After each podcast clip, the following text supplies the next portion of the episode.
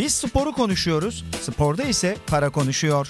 Spor ekonomisine dair merak edilen ne varsa Ahmet Kürşat Öçalan ve Ahmet Orhon Sokrates stüdyolarına taşıyor.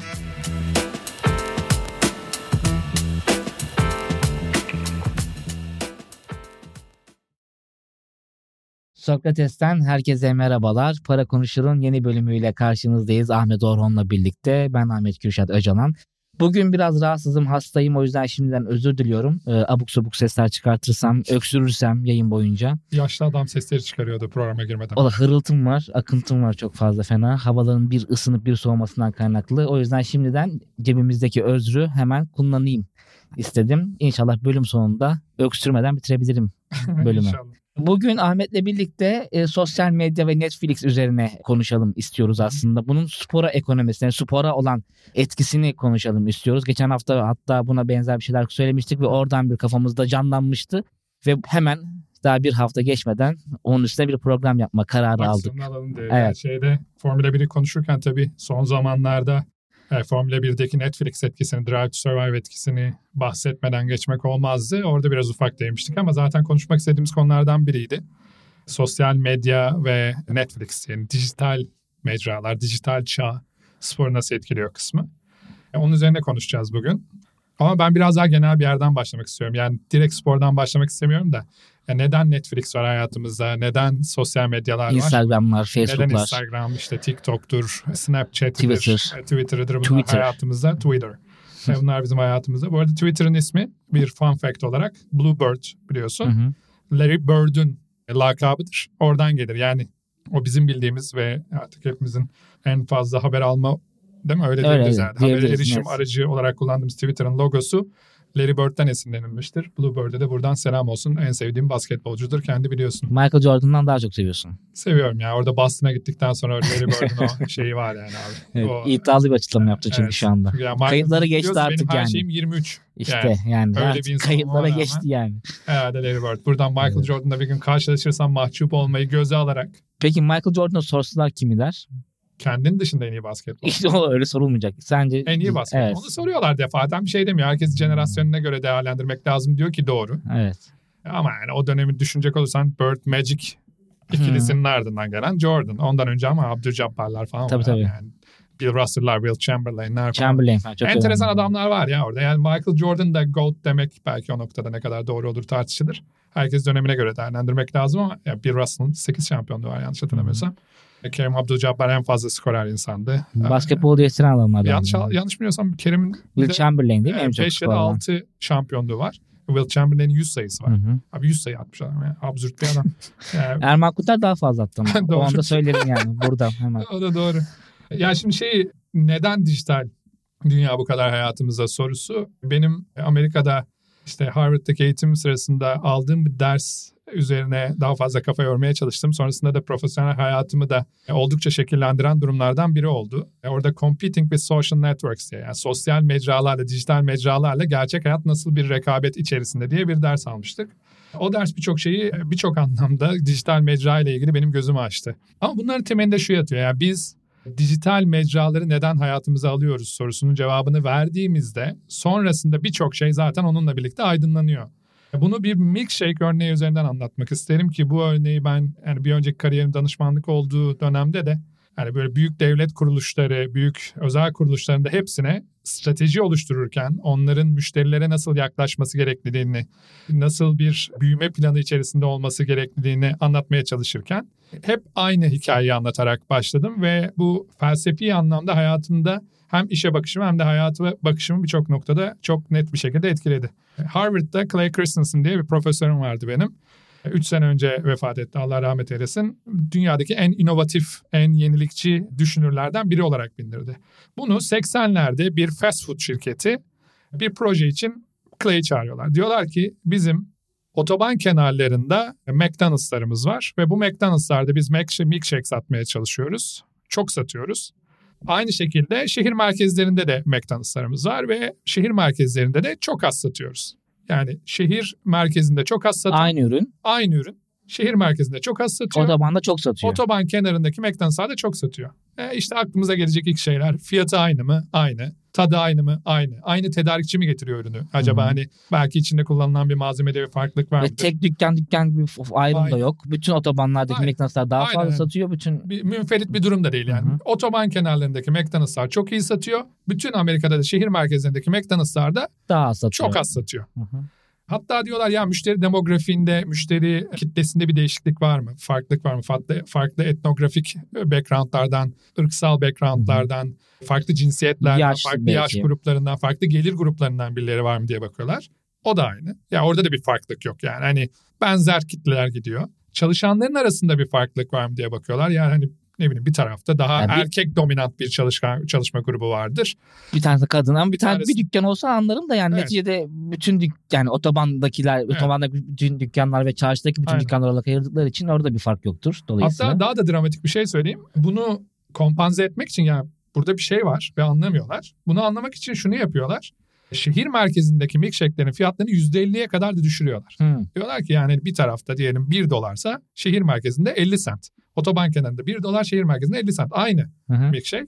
Yine yani çok az bir artış oluyor ama böyle dramatik bir artış olmuyor. Reklam kampanyası çıkıyorlar şehir merkezinde. Billboardlarda milkshake'ler var. Her yer milkshake.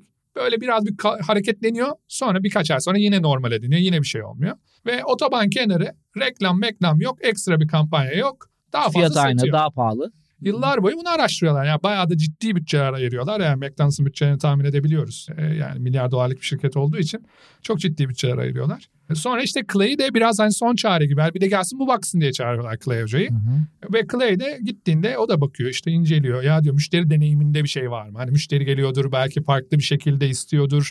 Orada çalışanlar farklı Ya, bir... ya aynı aynı clay diyordur ona. Gidiyor O- kendi Aha. bakıyor bir de. Yani o etnografik dedikleri, o antropolojik marketing dedikleri oraya gidiyor bakıyor. Hı. Yani oraya İnceliyor, oraya araştırıyor, gidiyor. kendisi araştırıyor. Etnografyasına yani oranın içerisine giriyor. Oranın içerisinde inceliyor. Oraya bakıyor. Yani orada gözlemlemeli, gözlemlerini yapıyor. Hiçbir fark yok. Abi daha da dramatiğini söyleyeyim bak. Müşterilere gidiyor soruyor Clay. Diyor ki abicim diyor niye milkshake alıyorsunuz diyor. Abicim demiyordur da işte. Hı hı. Brother da diyor. Muhtemelen öyle diyordur. Çok kibar bir adamdı. Dude diyordur. Ya Bunu soruyor. Diyor ki ya diyor niye milkshake alıyorsunuz diyor. Onlar da diyor ki alıyoruz abi işte milkshake falan diyor. Ya müşteri de bilmiyor. Hı hı. Şehir merkezindekiler diyor ki ya niye milkshake almıyorsunuz diyor. Abi ne bileyim almıyorum işte falan diyor.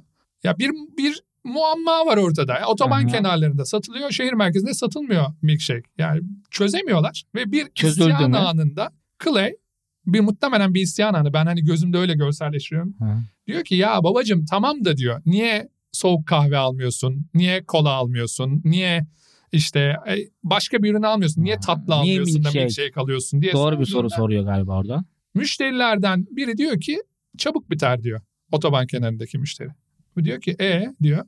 Yani amacın hani içecek içeceksin. içini ferahlatacaksın. Hani biraz bir ağzına bir tat gelecek. Aha. Bir aroma gelecek. Bitsin yani diyor.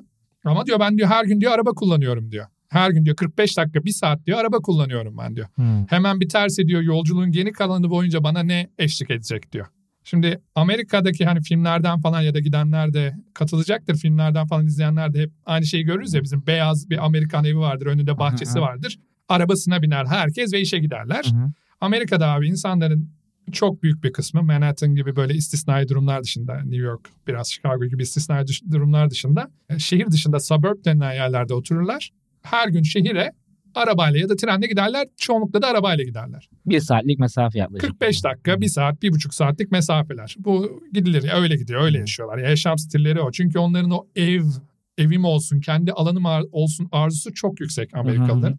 O yüzden de adamlar bu bir, bir buçuk saatlik boyunca, yolculuk boyunca onlara yarenlik etmesi için milkshake'i hayatlarına alıyorlar. Abi şehir merkezinde senin yarene ihtiyacın yok. Çünkü şehir merkezinde bir, bir buçuk saat kendi başına kaldığın Tabii. bir durum yok. Çünkü şehir merkezinde zaten hep bir koşturmaca içerisindesin. Biriyle buluşacaksın. Bir iki üç dakikalık bir durumun var. Orada milkshake normal görevinde. Yani tatlı bir, Bir arkadaş olarak. görevi görüyor aslında. Otoban kenarında milkshake'i hayata alan insanlar için Yan otoban kenarı görevi. milkshake oturuyor gibi oluyor Evet. için yani aslında. Buna job to be done teorisi diyorlar. Ne için işe alıyorsun? Hı hı. Yaptıracağın iş ne teorisi. What are you employing this for sorusu. Yani bunu, bu ürünü, bu Niye servisi alıyorsun? neden hayatına alıyorsun sorusu. Bu niye kıymetli sorusunda e şimdi sosyal medya ve dijital çağa bağlayacak olursak biz neden sosyal medyayı hayata alıyoruz? Biz neden Netflix'i hayata alıyoruz sorusunu cevaplamak lazım. Şimdi Türkiye dünyada sosyal medya En kullanımında çok kullanılan ülkelerden bir tanesiyiz. bir numarasın neredeyse. E, Amerika ile nüfusu kişi başında çok iddialısın zaten. Kişi başını bırak o dar nüfusla bile dünyada her neredeyse kullanımda ilk beşteyiz. Hı. Zaman zaman 1-2'de olduğumuz oluyor. Türkiye'den yola çıkalım. Neden? Çünkü abi sosyal medya sana paralel bir hayat kurmanı Hı hı. ve o paralel hayatta hayat vasıtasıyla mevcut hayatın gerçekliklerinden kaçmanı sağlıyor abi. Sosyal medyada neyi project ediyorsan, neyi yansıtıyorsan olsun. Ve sosyal medyada artık bütün dünyayla hemzemin bir yere geliyorsun. Yani artık Jay-Z'nin paylaştığını da görüyorsun, Ronaldo'nun paylaştığını da görüyorsun. Altına bir yorum yazıyorsun falan sanki Ronaldo görecek onu. Ama bir şeyin parçasıymış gibi hissediyorsun. Ama seslenmiş oluyorsun en azından Ronaldo'ya Evet, yani. O, o hissiyatı Hissiyatın veriyor yani. yani. Yani Türkiye gibi izole ülkelerde hani dış dünyayla bağlantısını belki yeteri kadar kuramamış ya da kursa bile sağlıklı şekilde kuramamış ülkelerde ve bir şekilde izole olmuş toplumlarda, ümit arayan toplumlarda bunu çok görüyoruz. Hani futbol toplumların afyonudur diye bir biliyorsun Hı hı. bir söz vardı. Özellikle 2. Dünya Savaşı sonrasında hatta 2. Dünya- savaşlar sırasında, devrimler sırasında, sosyoekonomik krizler sırasında futbol gibi enstrümanlar çokça kullanılıyordu. Bu artık yani sadece bir spor üzerinden değil, dijital mecrayla her noktada bir uyuşturucu etkisi, bir ağrı kesici etkisi sağlıyor bize. Bu bizim vücudumuzdaki kronik ağrıları geçirmiyor. Yani bu senin belin ağrıyor diyelim. E, Düzgün oturmuyorsun, kilon var diyelim. Spor yapmıyorsun diyelim ve belin ağrıyor. Bunun için abi iki tane şey yapabilirsin. Ya gideceksin, tedavi olacaksın, fizyoterapi yapacaksın, yoganı yapacaksın, pilatesini yapacaksın, yürüyüşünü yapacaksın, kilo vereceksin. Bir de paylaştırmam, paylaşırım öyle bir şey yapsam kesin Bir paylaşırım. de paylaşırsın. Hı. Ama bunu bunun, bunun sayesinde kalıcı bir değişiklik yaratacaksın hayatında. Ya da gideceksin ağrı kesici alacaksın, steroid alacaksın vesaire ameliyat olacaksın ve geçici çözümlerin peşinde koşacaksın. Onu da paylaşılır, paylaşılıyor. Arada ikisi de paylaşılıyor Evet, bir yandan. sosyal medya açısından öyle ama Evet. sosyal medya kendi özelinde bu ağrı kesici abi. Evet evet. Ve işin kötüsü şu. Her ağrı kesici gibi kullandıkça etkisi azalıyor ve bağımlılık yaratıyor. Ve öyle olduğu zaman da ne oluyor? Sen kullanıyorsun, kullanıyorsun, kullanıyorsun. Aslında ilk başta sana bir böyle bir şey veriyor. Bir- Büyük bir komünitenin parçasıyım. iyi bir iyi, aa bak bir İyi bir şeyler veriyor. paylaştım. Kendimi de iyi hissediyorum. Kendimi İnsanlar seni ediyorum. beğenmeye başlıyor. Beğen, beğenme olayı da çok. Kendimi de ifade ediyorum diyorsun. Aa, biri likeladı diyorsun. Fotoğrafımı sevdi falan diyorsun. Bu arada İngilizce kelime kullanmaktan dolayı hani hepimizin zaman zaman eleştirildiğimiz şu toplumda Türkiye'deki herkes likelamak tabirini kullanıyorsa Hı. zaten geldiğimiz noktayı e, görüyorsun. Ne oluyor abi? E, sen giriyorsun burada e, orada 3-5 seni likeladılar bir şey yaptılar falan ve kendini bir şeyin parçası gibi hissetmeye başlıyorsun ilk başta. Ama sonra her bağımlılık gibi bunun etkisi azalıyor ve azaldıkça Bir ne tane oluyor? daha post atayım bakalım ona ne kadar çok Atıyorsun. beğeni gelecek. Kendi içerisinde yarıştırıyorlar. bir de şimdi senin-. Kaç kişi takip ediyorsun diye mi uyduruyalım? Bin kişi takip ediyor Aha, tamam mı? Öyle yaklaşık. E, tamam bin kişiyi takip ediyorsun ya. Şimdi bin kişinin birisinin o gün güzel bir günü abi. Olma ihtimali yüksek ya. Evet Ve sosyal medyada da sadece biz güzel günler, iyi günler paylaşıyoruz ya. genelde. Abi LinkedIn'e giriyorsun. Dünyadaki en başarısız insan gibi hissediyorsun. Instagram'a giriyorsun. Bütün hayatı kaçırıyormuşsun ve senin dışında herkes eğleniyormuş gibi hissediyorsun. Snapchat'e giriyorsun. Herkes partide ve bir tek ben partide değilim gibi hissediyorsun. TikTok'a giriyorsun. işte herkes çok eğleniyor. Çok yaratıcı ve ben yaratıcı değilim gibi hissediyorsun. Twitter'a giriyorsun. İşte herkes Herkesin her şey hakkında çok fazla bilgisi var ve konuşuyor, Evet yazıyor. ve herkes böyle bütün her yerde protestolar olacak gibi hissediyorsun. Ve hani Allah'ım ben de bir şey yapmam lazım. Bir tek ben, Ben de o- aktivist değilim. Topluma katılayım. Evet evet bir tek ben Hmm. aktivist değilim ve bir tek benim kafam çalışmıyor gibi hissediyorsun. E bunların hiçbiri de doğru değil. Abi herkes Instagram'da, sosyal medyada birçok yerde bir persona project ediyor. Bir şey yansıtıyor. Hı hı.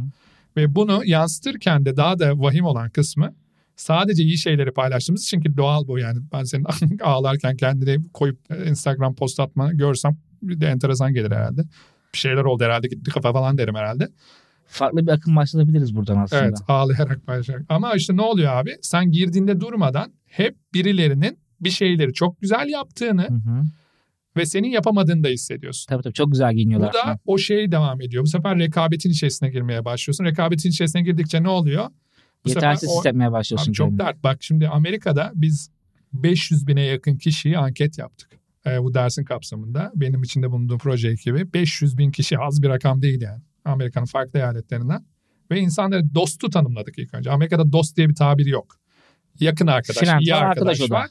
Abi dostu tanımladık. Dostu şöyle tanımlamaya çalıştık. Hani TDK tanımı değil ama iyi haberini de kötü haberini de Yanında. tereddüt etmeden herhangi bir reservation dedikleri bu Amerikalıların kaygı, ikinci bir düşünce ya bunu paylaşsam mı paylaşmasam mı demeden paylaşabildiğin insana dost dersin dedik. Hı. Bunu anlattık şey yani o tanımı yazdık dedik ki hayatınızda dost olarak tanımlayabildiğiniz bir kişi var mı? İnsanların %50'si buna hayır dedi. İkinci soru hayatınızda dost olarak tanımlayabildiğiniz kişilerin aileniz dışındaysa ya bu kişiler aileniz dışındaysa işaretleyin de dedik ve bir %50'si daha elimin oldu. Yani insanların sadece %50'si bir kişiyi dost olarak tanımlayabiliyor. 10 %50'si de e, ailesi. Total insanların da %25'i sadece ailesi dışından bir kişiyi dost olarak bilebiliyor. Şimdi bu kadar yalnızlaştırılan, yalnız olan bir batı toplumunda ki batı toplumlarında zaten depresyon oranlarının, intihar oranlarının ne yazık ki yüksek olmasının en büyük nedenlerinden biri o yatıyor. Sosyal medya bir yandan buna ilk başta çare gibi olsa da bu bütün kötü alışkanlıklar, bütün bağımlılıklar gibi sonrasında aslında bunu daha da körükleyen, bu ateşe daha da kömür atan ve seni daha da yalnızlaştıran, daha da FOMO dedikleri, phobia of missing out yani bir şeyleri kaçırıyorum fobisi. fobisine neden olan ve senin hayatı diğerleri kadar güzel yaşayamadığına seni ikna eden bir yere dönüşüyor abi ve onun sonucunda bu aslında ilk başta başlayan ağrı kesici sonra bir süre sonra senin daha da En büyük düşman e, da en büyük düşmanlarından biri haline geliyor. Şimdi bu Netflix'e de bağlanıyor. Şimdi bu kadar yalnızlaşmış bir toplumda Netflix neden önemli? Netflix and chill diye bir tabir var. E sonradan birazcık tanımı Deyimleşmiş ee, gibi değil mi? Deyim deyim şu anda kullanılıyor. Biraz da böyle hani hafiften nükteden bir deyim olarak kullanılıyor şu anda ama abi Netflix neden önemli? Netflix senin buradaki yalnızlığını alıyor. Bak Netflix'in ilk kendisinin yaptığı tamamen kendisinin üstlendiği program House of Cards. House of Cards'ı hangi gün koydu? Cuma. Şimdi sen ne yapıyorsun? Amerika'dasın. İşte bir corporate iştesin. E, gidiyorsun çalışıyorsun, geliyorsun çalışıyorsun. 9-5, 9-5 çalışıyorsun. İşte bir saat araba kullandın, gittin geldin falan. Abi hafta öyle geçiyor Hı hı. bir şekilde kendini meşgul ediyorsun. Yalnız da olsan işe gidiyorsun. Yine birilerine bir selam veriyorsun. Milkshake'ini içiyorsun. Bir milkshake'ini içiyorsun giderken yolda. Orada iki biriyle kahve içiyorsun dükkana gidince. işte Hı hı. ofise gidince vesaire. Ama şey ne oluyor? Haftada hafta bitti. Cuma günü eve gittin. Ne oluyor? Yalnızlığınla baş başa kalıyorsun. Dam. Suratına çarpıyor. Cuma, cumartesi, pazar. Ne yapar Amerikalılar genelde burada? Maça Dışarı çıkarlar. Hı. Maça giderler. Aktivite bazlı bir şekilde burada e, bunu unut, unutacak başka şeyler yapmaya çalışırlar. hı. Ama yine aktivite bazlı bir şeyler. Tamam mı? Hani gerçek anlamda yalnızlığını gideren bir şey değil. Abi Netflix diyor ki abi bütün hafta bu adamlar bununla meşgul. Ben çarşambadan bunun reklamını salsam yeni sezon geliyor diye. Çarşamba perşembe bir hype oluştursam. Ofiste bir konuştursam bir bunları. heyecan oluştursam. Ofiste millet ya bak görüyor musun Kevin Spacey'nin de yeni şeyi geliyor. Şovu geliyor. Hı hı. e, dizisi geliyor. Hı hı. Onu göster ya nasıl olacak acaba çok merak ediyorum. Netflix yapıyormuş ilk defa Hı hı. dese ve bunu gidip Cuma günü ben bütün bölümlerini koysam. Bam diye koydum bütün bölümlerini. Nasıl olur diye soruyor. Nasıl olur diye düşünüyor. Şimdi ne oldu abi? Bütün hype'da hype oluştu. Cuma günü eve gittin. Belki o gün çıktın arkadaşlarına bir şeyler yaptın falan.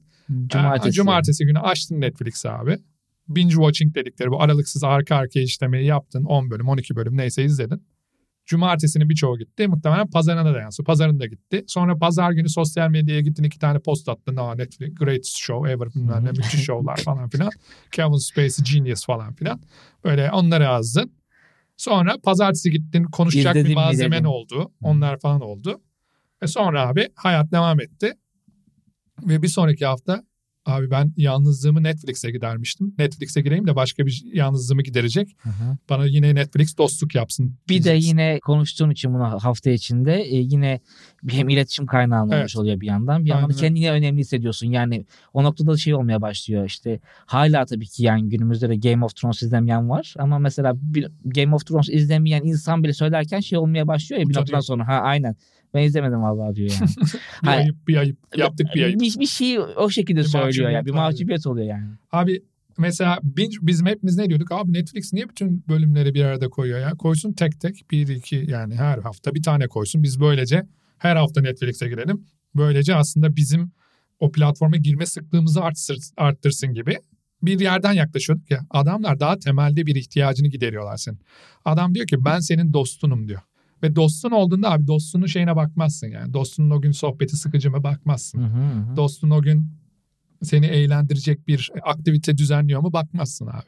Bazen dostunla sessizce oturursun. Hı hı. Tıpkı birçoğumuzun eve gittiğinde Netflix'i açması, arka planda Netflix'in dönmesi, Tabii tabii. hatta Netflix'te kötü yapımları bile izliyor olmamız. Çünkü dostun abi.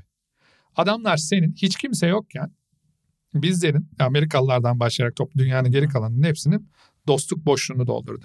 Abi daha da devam edeyim bak. Yani burası çok enteresan şeyler bunlar. Bak Friends diye bir dizi var. Benim en sevdiğim herhalde 3 diziden biridir. 100 milyarın üzerinde izlendi abi Friends. 100 Ee, milyar yani. Çok eski tabii yani. Katman katman 20 sene boyunca Abi ama 100 milyar. izlenmiştir. Bak yani rakam Yo, çok. yo, yani kulağa çok hani gerçekçi gelmiyor Ha, olabilir evet, diye yani söyledim. bütün çok normal yani aslında. yani işte e, 250-280 bölüm falan. 10 280 sezon var. Falan galiba. e, o Yaklaşık. yaklaşık 200 küsür bölüm var. İşte e, yani dediğin gibi arkadan zaten yılların gelmişti şey var ama hala da bak yeni nesillerin izliyor olması da bir muazzam bir durum abi. Yani Evet, çünkü evet, onun cep telefonunun olmadığı bir dönemde çekilmiş bir e, diziden tabii, bahsediyoruz. tabii, tabii. Yani orada işte telefon, ev telefonu şakaları falan var dizinin içerisinde. İşte şimdiye kadar izlemeyen insanlar işte Netflix'e geldi Friends. Evet. Başladılar izlemeye Aynen. başladılar. İzlemeyenler de izlemeye başladı Evet. yani 20 yıl sonra. Ve deli gibi de izleniyor. Fazla. Hala işte bütün o platformlar Netflix, Amazon bilmem ne, e, Disney falan hepsi yarışıyor değil mi onu almak için? Evet evet. Neden abi? Friends de aynı şeye Adı da hizmet Friends veriyor. zaten Bak Friends arkadaşların abi. Friends'in en fazla izlendiği okazyonlar yalnız yemek yemek, yalnız seyahat etmek, yalnız evde oturmak. Yani yalnız kendi başına vakit geçirmek ve arka planda izliyorlar. Neden abi? Sorusunun cevabı da bak Friends'teki bütün karakterleri gözünün önüne getir.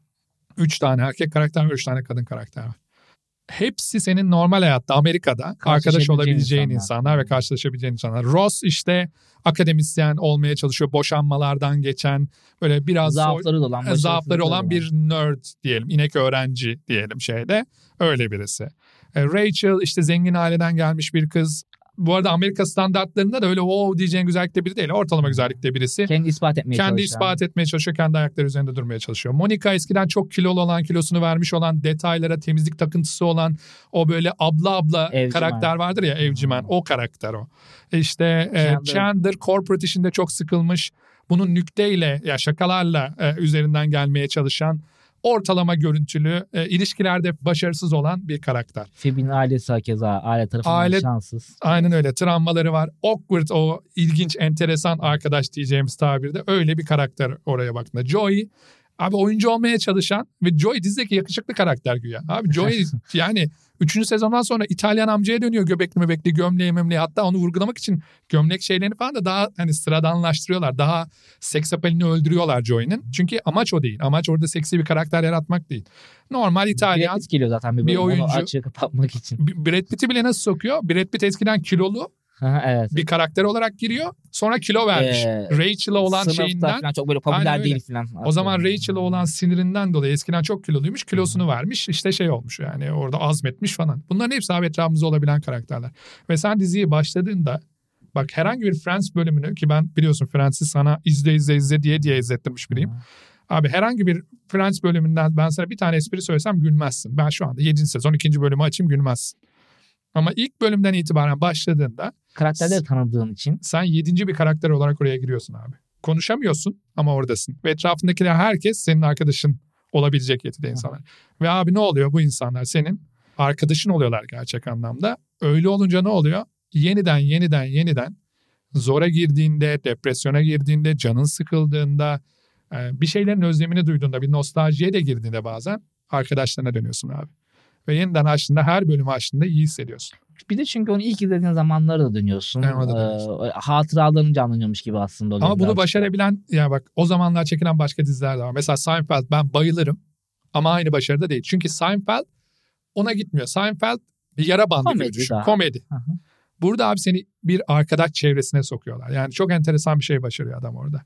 E Mesela Breaking Bad'in de bu kadar başarılı olmasının nedenlerinden biri o. Çünkü baş kaldırabileceğimizi, mevcut sıkıcı hayatlarımızda bir değişiklik yapabileceğimizi herhangi bir öğretmenin, herhangi bir karakterin bir kahramana görüyoruz. dönebileceğini, başarısız ve okuldan zorla mezun olmuş birisinin hayata dair fikir yürütebileceğini e, onun öğrencisi.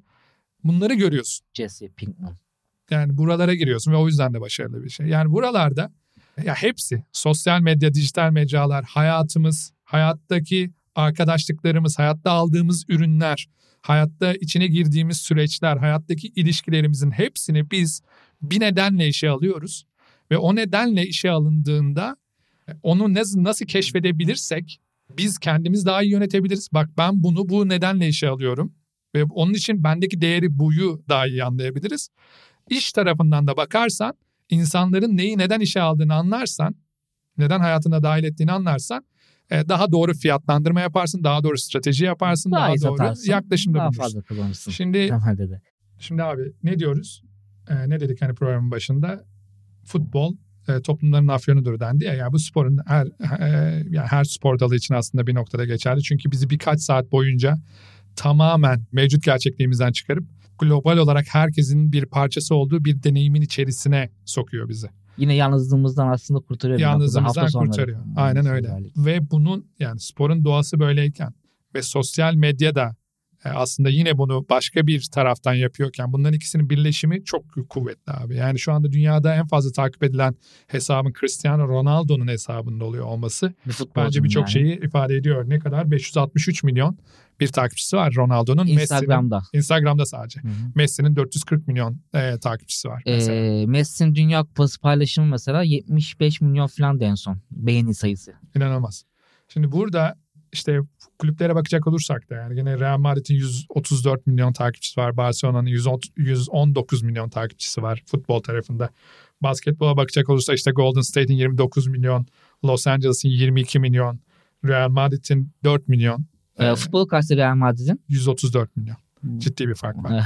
ee, Avrupa basketbolunun işte Geçen hafta durumunu da biraz üzere aslında. futbol ve basketbolun arasındaki boşluğu da daha net e, yansıtması açısından da önemli bir istatistik belki ama çok ciddi sayıda insan takip ediyor bunu ve bunlar global ürünler ve hepimizin sosyal medya vasıtasıyla mevcut gerçekliklerden belki kaçmaya çalıştığımız bu dünyada sporun zaten doğası gereği bunu sağlayabilen ve özellikle futbolun hemzemin yapısında hemzemin doğası gereği de bunu daha da katlayarak sağlayabilen yapısında birleştirdiğimizde e, burada çok önemli fırsatlar var. E, bizim spor kulüplerimiz yani işte Fenerbahçe, Galatasaray bunları alırsan burada ne sosyal medyayı, YouTube'u, işte TikTok'u, Instagram'ını vesaireyi aktif olarak kullanabildiğimiz ne de bunları gerçek anlamda paraya dönüştürebildiğimizi ben düşünmüyorum. Evet. Çünkü insanların neden sosyal medyayı işe alıyorlar ve insanların neden benim spor kulübümü işe alıyorlar, hayatlarına dahil ediyorlar sorusunu kulüp yöneticilerinin cevaplıyor olması lazım. Tıpkı bütün şirketlerin, bütün devletlerin, bütün organizasyonların bunu cevaplıyor olması gerektiği gibi. Çünkü ancak bu yapıldığı takdirde gerçek anlamda bir e, değer yaratabilirsin. Mesela neden bahsediyorduk? Amerikan sporlarında ne? Amerika hani bu gerçeklikten kaçmanın zirvesi yerlerden biri Hı-hı. olarak. Bütün bir gün yaratıyorlar sana abi. Bak sadece spor neydi? Basketbol. iki saat girdin çıktın. Evet. Bütün gününü kurtarmadı. Belki bir iki saat sohbet ettin gitti. Ama öncesi oldu gitti otopark kenarında işte bir şey yaptı. Ne kadar çok yaptın. para kazanabilecekse senden o kadar çok para kazanmaya çalışıyorlar aslında temelde. Ne kadar çok senin ihtiyacını giderebilirse o kadar çok ihtiyacını Onlar da öyle diyorlar. çalışıyorlar. Yok hayır aslında oradan geliyorlar. öyle de yani. Ya gerçek oradan geliyorlar. Orada bak burada yumurta e, tavuk meselesi çok net abi rastlantısal başarı olmayan bütün kalıcı başarılar senin gerçek anlamda neyi neden hayata aldığını adresleyebilmiş ya yani ona karşılığını verebilmiş olan... Müşterisini iyi anlamaktan geçiyor yani aslında. Amerikalı adam yani rastlantısal şekilde de bunu anlamış olabilir ama başarısının formülü sırrı bu. Sen Amerikan sporunun benzeri bir ekonomik başarı mı elde etmek istiyorsun? İnsanlar neden sporu hayatlarına dahil ediyorlar anlaman lazım. Anladın mı? Onun üzerine bütün müşteri deneyimini, ürünlerini e, Ona göre tasarlıyor olman lazım abi. Bu işin şeyi o. Ya bak Formula 1 ne yapıyor şimdi? İlk başta neydi? Pazar günü yarış. Paz, cumartesi günü de bir, benim gibi böyle çok Formula 1 e, şeyleri, şey. hayranları sıralama turları izlerdi. Hı hı. Abi şu anda antrenman turlarını bile izliyoruz ya. Antrenman turları. Sprint yarışı koydular araya bir tane. Bizim gibi gelenek sadece Formula 1'ciler abicim bu ne dediler bir tane yarış olur hafta sonu falan dediler ama Cuma'ya çektiler bak onu ne oldu? Pazar yarış. Cumartesi sprint yarışı. Ee, Cuma sıralama turları. Hı. Perşembe e, işte şey, e, Perşembeden hype başlıyor zaten, heyecan başlıyor. Perşembe, Cuma, Cumartesi, Pazar dört gün engaje etti abi seni. E ne oldu abi? Senin o Bak sen niye işe alıyordun Formula 1'i? Büyük bir şeyin parçası olacağım. Ben Max'ciyim sen Hamilton'cısın. Ay bakalım falan. Dünyanın bir parçası sanki yani görsen Max selam verecek sana. Ben de Max'e destekliyorum ama yani bir arkadaşlığımız dostluğumuz yok. Ama ne oldu? Seni büyük bir şeyin parçası yaptılar abi. Şimdi bunu yaptığında ancak doğru şeyleri tasarlarsın. Bizimkiler ne yapıyor abi? Girmesi dert çıkması dert stada. Aha. Salona girmesi de ya ben bak Fenerbahçeliyim abi. Sen de Fenerbahçelisin. Biz seven adamlarız yani. Tamam böyle Galatasaraylı arkadaşlarımız da var. Beşiktaşlı arkadaş. Biz bir de gönül insanı çok var Türkiye'de yani. Abi bak yokluktan Beşiktaş'ta çarşı diye bir şey yok mu abi? Beşiktaş çarşıda vakit geçiriyor taraftarlar. Hı hı. Abi çarşıda vakit geçiriyor ne yapıyor? Başka bir restorana, başka bir e, işte kafeye bilmem neye para kazandırıyor değil mi? E çek bunu stadyumun içerisine. O deneyimi orada yaşattır adama. Onun içerisinde olsun adam. Biz ne yapıyoruz abi? Açık değil stat açık değil. Niye açık değil stat abi? Niye açık değil stat? Kapıları açın. Açın Abi kapıları. niye açık değil stat? Ya aç abicim stadı. Yine taraftar tabii ki biletiyle girsin. Hı. Aç abi orada konseri olsun. Bir şeyler içebileceği bir yer olsun. Bir şeyler yiyebileceği bir yer olsun. Sosyalleştir. Belki ne bileyim o maçta ilk 18'e girememiş topçular gelsin. iki aktivasyon şeyi yap. Oyun, futbolcu da gelsin bu arada yani. Normal oynayacak futbolcu da gelsin yani. Bir şey olmuyor abi. Ne olacak yani? Kulaklığını taksın, Sanki şeyden taksın kulaklığıyla. Konsantrasyondan bizimkiler şey yani. Ha, o, o, hmm, falan. Ne konsantrasyon? Allah'ını seversen yani. Maçtan önce kebap yiyen insanlardan bahsediyoruz bazen zaman zaman. Yani hani Devre arası pilav falan yeme Abi yani hani anladın mı dediğim? Hani öyle bir şey profesyonellik falan da yok ya. Abi Böyle 6 saat boyunca öyle bir şey de yok. O, olay şey ya maçtan önce çıkarlar böyle bir zemine bakarlar falan çok bir şey bir şey böyle şey. kulaklıkla falan böyle. Yani abi bak bunları yapmasınlar demiyorum ama daha önceye getir tamam? Oraya tesisini yap, şeyini yap. Yurt dışından gelen, şehir dışından gelen taraftarların için orada bir kalacak yer ayarla. Hı. Yani onu o, o hizmeti de sağla. Orada abi ne bileyim işte takımla birlikte aynı yerde kahvaltı Özellikle bir edebilme oyuncu şeyini için sağla. geliyorlardı. Galatasaray Drogba vardı mesela. Drogba için E, gelecek çok canım. insan vardı Abi bak bizim mesela. Fenerbahçe voleybola bile Kore'den izlemeye geliyorlardı Evet yani. evet evet. Şimdi bu öyle bir şey abi tamam mı? Bu deneyimin parçası olma. E, yap sağla işte onu. Bütün deneyimini sağla. Benim o gerçeklikten kaçma arzumu bana gerçekleştir ver. Hı hı. Ve bunu, Onu istiyorsun sen zaten bunu aslında. paraya dönüştür zaten. Biz ne yapıyoruz abi? Fenerbahçeliler ne yapıyor? Gidiyor Bağdat Caddesi'ne takılıyor bütün gün. Hı hı. Beşiktaşlar gidiyor çarşıda takılıyor. Galatasaraylılar şimdi aranın oralarda Ee, takılıyor. bilmiyorum. Vadi Taksim'de, İstanbul'da Taksim'de şeyde e, gidiyorlar. Mevlevizade'de takılıyorlar. E, yani Taksim'de. oralarda takılıyorlar. Anladın mı? Bir Ondan sonra yerler- metro ile gidiyorlar. bir yerlerde takılıyor bu adamlar ya. Abi şimdi bu yani çek bunu içeri yaşattır adama deneyimini. Abi şu anda bak biz geçen sene Fenerbahçe'nin hangi maça gitmiş? Ya Barcelona maçına gittik. En son basketbolda Euroleague'de Barcelona maçına gittik. E ne oldu? Bak sahaya girdik ondan sonrasında. Ya sağ olsunlar arkadaşlar oradaki organizatörler. Hı. Maç bitiminde bizi sahaya aldılar. Böyle bir, biraz baktık falan. Abi topu alıp potaya atmak geldim içinden gelmedi mi? Gelmez mi? E abi ya böyle bir şey olabilir mi bak? E bunu sen atabildin mi hiç? Atamadım. Tamam. Herhangi bir oyuncuyla fotoğraf Atamadım. çektirirken hala içinde böyle bir ya Çocuk musun? heyecan, Çocuksu bırak sahaya mu? inince çocuk heyecanın oluyor. Abi bunu niye? Parkeye bastığında yani ya da yeşil sahaya bastığında bile çocuk heyecan E, oluyor. tabii ki canım. Oğlum ben şu anda Saraçoğlu stadı bak geçen müze turu gibi bir şeyle gitmiştim ya. Geçen dedim birkaç sene oluyor. Abi böyle heyecanlanıyorsun. Çocuksu bir heyecanın oluyor. Tabii, Camp tabii. Nou'ya gittim ben işte o müze yine turu. Yani maça da gittim orada da. Müze turunda gittim ve sahaya da aldırmışlardı sağ olsunlar. Abi heyecanlanıyorsun. Bak Camp Nou'ya herhangi bir noktada gidip yemek yiyebiliyorsun abi. Restoran gibi. Açıyorsun gidiyorsun yemek yiyorsun. Ee, işte Allianz Arena'ya herhangi bir noktada gittiğinde yemek yiyebiliyorsun abi. Allianz Arena manzaralı. Orada hayal kuruyorsun. Belki başka şeyler yapıyorsun falan. Abi yapmıyoruz. Bak anlamıyoruz bunları. İnsanlar bizi neden işe alıyor sorusunu anlamıyoruz. Sosyal medyayı niye işe alıyorlar sorusunu anlamıyoruz. İki tane uyduruktan şey videosu koyuyoruz.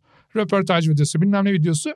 Onun içerisine koyuyor. Adam ne yaptı abi Netflix'te? Drive to Survive Ya yaptı. Ona geçmeden evvel bir şey söyleyeyim. Ben Fenerbahçe bir şeyler yapıyor aslında. Kahvaltı mahvaltı düzenliyordu ama mesela hiç bilmiyoruz mesela. Yani yeteri kadar PR da yapılmıyor. Ondan Evet. para kazanılmıyor. Tabii canım. Ronaldo bir post atıyor 3 milyon dolar para kazanıyor Evet. ya. yani ve tabii ki 563 E, tabii. milyon takipçisi var ama Fenerbahçe, Galatasaray gibi yani etkileşimi çok yüksek olan kulüpler. Yani dünyada belki etkileşim en yüksek olan kulüplerden bir tanesi. O yüzden yani biz o kadar başarılı olmamamıza rağmen Şampiyonlar Ligi Tuncay Şanlı'nın doğum gününü kutluyor falan yani. Hani Evet, Tuncay Twitter'dan Şanlı onun videosunu paylaşıyor. onun Twitter'dan onun videosunu paylaşıyor. 4-3-3 diye bir şey var işte Evet. site var. Durmadan Fenerbahçe Galatasaray rekabetini böyle perçinleyen anketler yapıyor arada bir. Galatasaray'ı işte Drogba'lı paylaşımlar yapıyor falan. Niye? Çünkü çok etkileşim alıyor. Türk insan etkileşim veriyor yani. Ve biz alamıyoruz. Ve biz para kazanamıyoruz doğru düz. Kendimiz etkileşim alamıyoruz Evet. kendi şeylerimizden.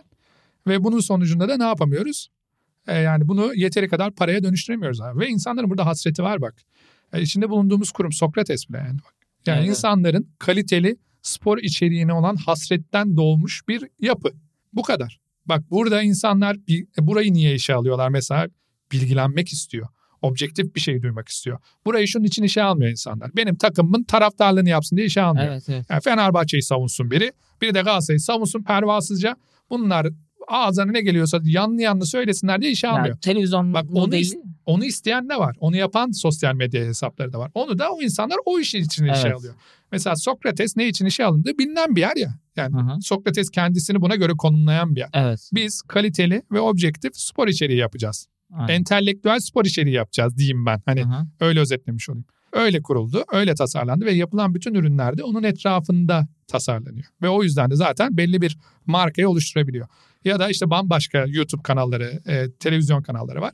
Onlar da diyor ki abi biz troll olacağız yani e, modern tabirle daha taraflı olacağız ve tarafların kapışmasına o çatışmayı izlettireceğiz. O da olabilir.